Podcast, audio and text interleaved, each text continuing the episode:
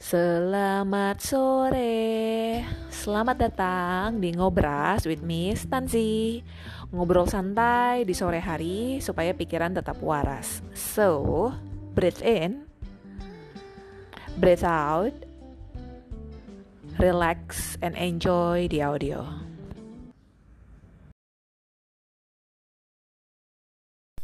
Sekarang kita mau ngobrolin masalah burnout ini menarik karena beberapa teman gue yang mengalami ini apalagi dengan zaman yang sekarang kita sedang work from home. Kemudian juga kalau work from home itu kan enaknya kalian kerja dari rumah tapi di sisi lain teman-teman masih harus kerja kapan aja gitu loh. Jadi orang ada teman gue yang ngeluh kayak aduh sekarang kayak jam 7 malam orang masih ngajakin zoom meeting terus kayak gue melek mata langsung kerja.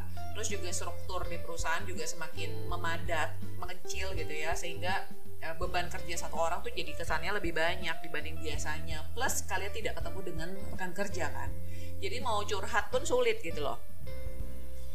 Burnout ini bisa terjadi sama siapa aja? Mulai dari anak magang sampai CEO selama lu masih kerja di satu organisasi ada kemungkinan untuk burnout sebenarnya definisi burnout sendiri kalau dari WHO adalah suatu fenomena yang occupational. Dan burnout ini diklasifikasikan sebagai sindrom yang disebabkan oleh stres yang muncul di workplace, di tempat kerja. Burnout ini punya tiga aspek utama yaitu saat teman-teman ngerasa kayak aduh capek banget nih udah benar-benar kehabisan energi gara-gara kerjaan ini. Yang kedua, kalau teman-teman ngerasa punya mental distancing, sinis, kemudian punya negativity tentang kerjaan teman-teman, wah itu udah ciri-ciri banget. Kayak, aduh gue benci banget setiap kali handphone gue berdering ngomongin kerjaan gue kayak mau teriak, misalnya kayak gitu. Atau yang ketiga adalah teman-teman secara performance, teman-teman menurun.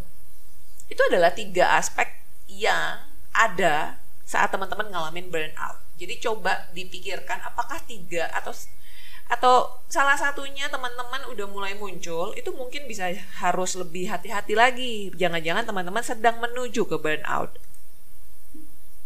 Tan yang namanya eh, apa resiko jantung. Kemudian juga pencernaan serta imun sistem kita. Karena kortisol ini adalah stres hormon jadi bayangin kalau dia terus-terusan aktif teman-teman nanti akan mulai ngalamin kayak yang namanya susah banget untuk tidur, sakit kepala, capek, kemudian juga gampang marah, jadi sensitif banget. Dan itu adalah jalan menuju burnout. Jadi kalau misalnya teman-teman tidak menanggulangi stressernya dengan baik, jadi teman-teman secara long term itu akan ngefek ke badan kita. Hormon disebutnya adalah kortisol, ini adalah hormon stres. Saat dia naik terus, on terus gitu kan. Ceritanya kita kayak terus-terusan terus-terusan stres. Kortisol ini dia akan menciptakan yang namanya glukosa dan insulin. Jadi produksinya akan naik. Jadi saat itu naik, kortisol ini secara tidak langsung dia akan ngefek ke namanya yang namanya burnout itu bukan sesuatu yang datang tiba-tiba ya. Kita bicara tentang penyebab dari stres karena yang namanya burnout itu muncul dari stres yang muncul di tempat kerja. Kita selama hidup selalu ada alasan untuk kita jadi stres, betul?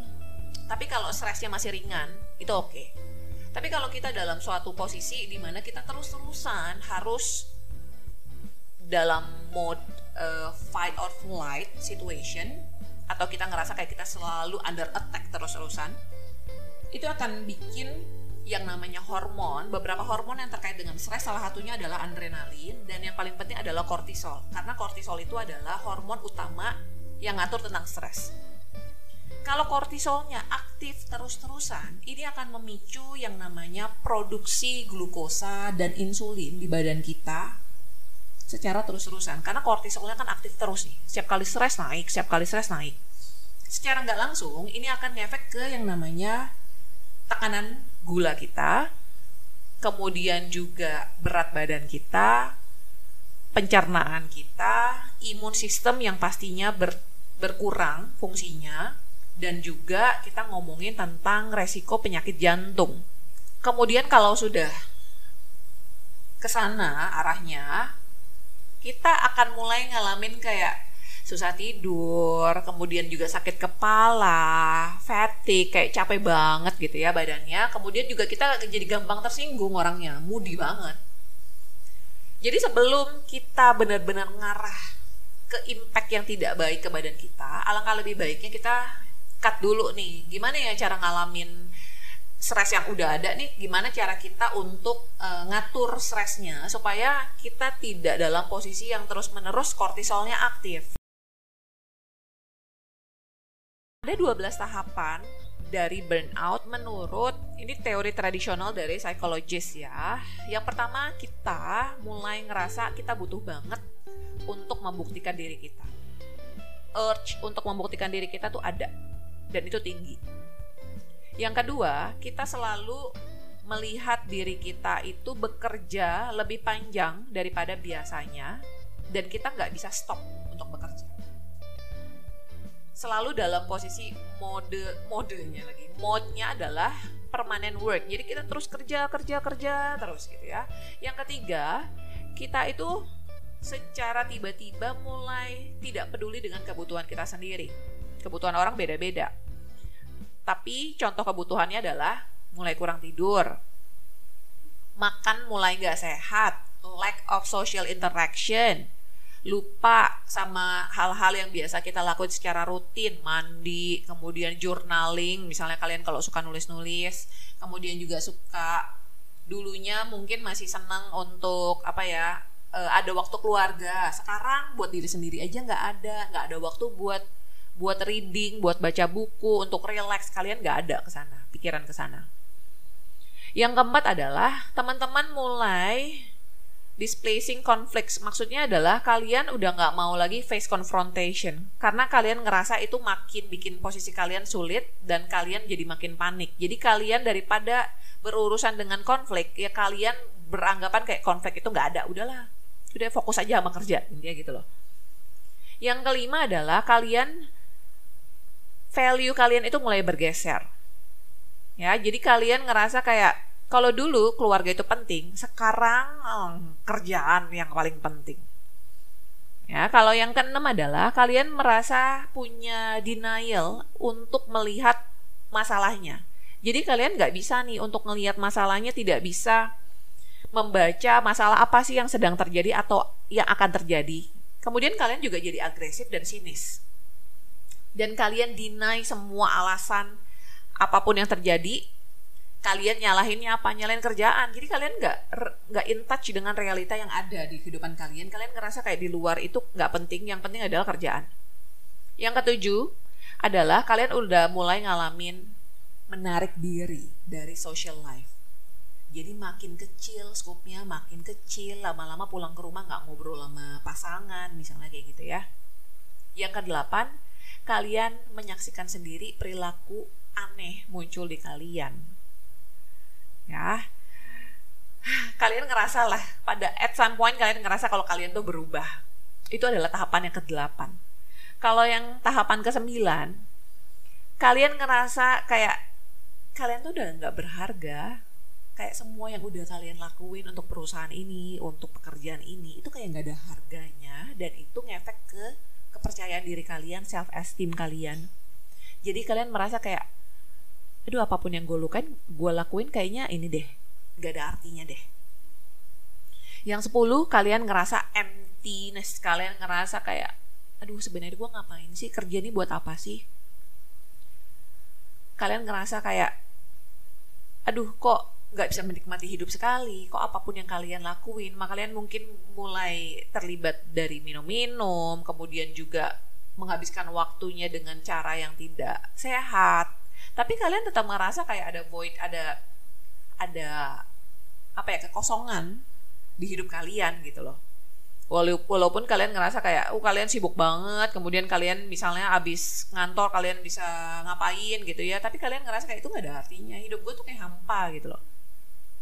Yang sebelas ini tahapannya udah cukup severe yaitu kalian mulai ngalamin depresi kalian capek terus menerus kalian ngerasa masa depan kalian itu gelap kalian ngerasa hopeless kalian ngerasa kayak gue nggak mau peduli lagi tentang hidup gue terlalu banyak kayak udah nggak ada harapan. Itu adalah ciri-ciri dari depresi ya. Saat kalian ngelihat kayak nothing is good now nothing is gonna happen yang baik-baik tuh nggak akan terjadi di hidup kalian kalian ngerasa kayak gitu itu adalah ciri-ciri dari depresi kayak tidak ada hope sama sekali di hidup kalian yang kedua belas adalah kalian benar-benar officially burn out, kalian bisa collapse, kalian bisa fatigue kayak benar-benar butuh medical attention. Itu adalah 12 tahap. Coba kalian cek dulu kalian udah sampai tahap mana. Dan kalian gini loh. The good thing adalah kalian sadar dulu kalau kalian burn out. Dari situ kalian baru bisa tarik mundur lagi. Sebenarnya kalian tuh harus gimana sih untuk ngekat yang namanya uh, penyebab burnoutnya. Karena setiap orang itu punya daya resiliensi yang beda-beda situasi yang beda-beda, organisasi juga yang berbeda. Ada organisasi yang kayaknya bikin kalian kesal banget gitu ya, e, tidak sehat sama sekali. Ada organisasi yang masih bisa diajak ngobrol. Nah itu dia yang harus kalian cari tahu dulu.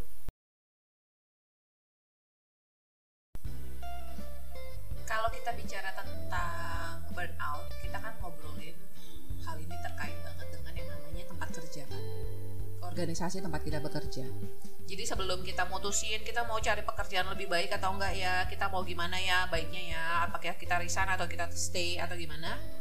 Ada enam hal yang teman-teman bisa coba cari tahu dulu nih. Yang pertama adalah beban kerja. Apakah beban kerja yang teman-teman miliki itu sudah sesuai belum dengan kapasitas kita? Dan kita punya gak kesempatan untuk menyelesaikan pekerjaan itu? Apakah kita ada kesempatan untuk istirahat? apakah kita bisa menemukan waktu untuk kita tetap uh, apa ya berkembang di dalam pekerjaan kita maupun di luar pekerjaan kita kalau secara waktu saja teman-teman sudah terlalu time consumed itu berarti teman-teman harus belajar untuk mengatur kembali beban kerjanya supaya ada ruang buat teman-teman buat diri sendiri caranya adalah mungkin teman-teman harus ngatur gimana ya cara kerja yang enak supaya teman-teman tuh makin produktif. Karena banyak orang di luar sana yang sebenarnya kerjaannya bisa diatur kok. Cuma dianya aja yang kurang pinter ngaturnya. Ada yang kayak gitu kan? Yang kedua adalah belajar memprioritaskan pekerjaan kita. Mana yang penting mana yang nggak penting nih. Karena kalau mau ngomongin semua kerjaan harus dikerjain di saat itu juga kan sulit. Bener gak yang ketiga adalah belajar untuk mendelegasikan pekerjaan. Kalau bisa didelegasikan, silakan didelegasikan. Mungkin nggak untuk didelegasikan? Kadang-kadang tidak mungkinnya itu bisa jadi dari diri kita sendiri karena kita punya sifat yang perfeksionis atau kita yang nggak ngerti aja cara delegasiin ke orang lain itu gimana. Karena tidak ada rasa trust di sana ke orang lain. Dan kita harus belajar untuk bilang tidak, terutama untuk pekerjaan-pekerjaan yang kita rasa kayaknya kok bukan bagian gue ya, bukan hitung-hitungan sih. Cuma kan prioritas ya. Balik lagi ke prioritas. Kalau teman-teman udah ngelakuin itu semua dan teman-teman tidak bisa menemukan solusi dari beban kerja itu mungkin teman-teman bisa checklist dulu nih. Kalau misalnya oke okay, workload gue udah nggak sanggup pekerjaan gue udah tidak uh, memungkinkan untuk gue punya waktu untuk diri sendiri oke. okay, checklist aja dulu ya. Karena kita masih ada lima area lainnya untuk teman-teman tahu Untuk yang kedua adalah kurangnya kontrol yang bisa teman-teman miliki. Jadi kalian ngerasa kayak kalian tidak ada otonomi, kalian tidak ada akses ke resources atau ke hal-hal yang teman-teman e, rasa bisa ngebantu teman-teman. Kemudian juga kalian tidak bisa membuat keputusan. Kemudian juga kalian ngerasa kayak e, apa ya? Misalnya nih bos kalian bisa hubungin kalian kapan aja tanpa kalian harus bilang siap atau tidak siap gitu kan. Kemudian juga banyak prioritas-prioritas yang masuk ke kalian tanpa kalian bisa pilih mana yang sebenarnya menjadi kebutuhan kalian atau kebutuhan kerjaan kalian.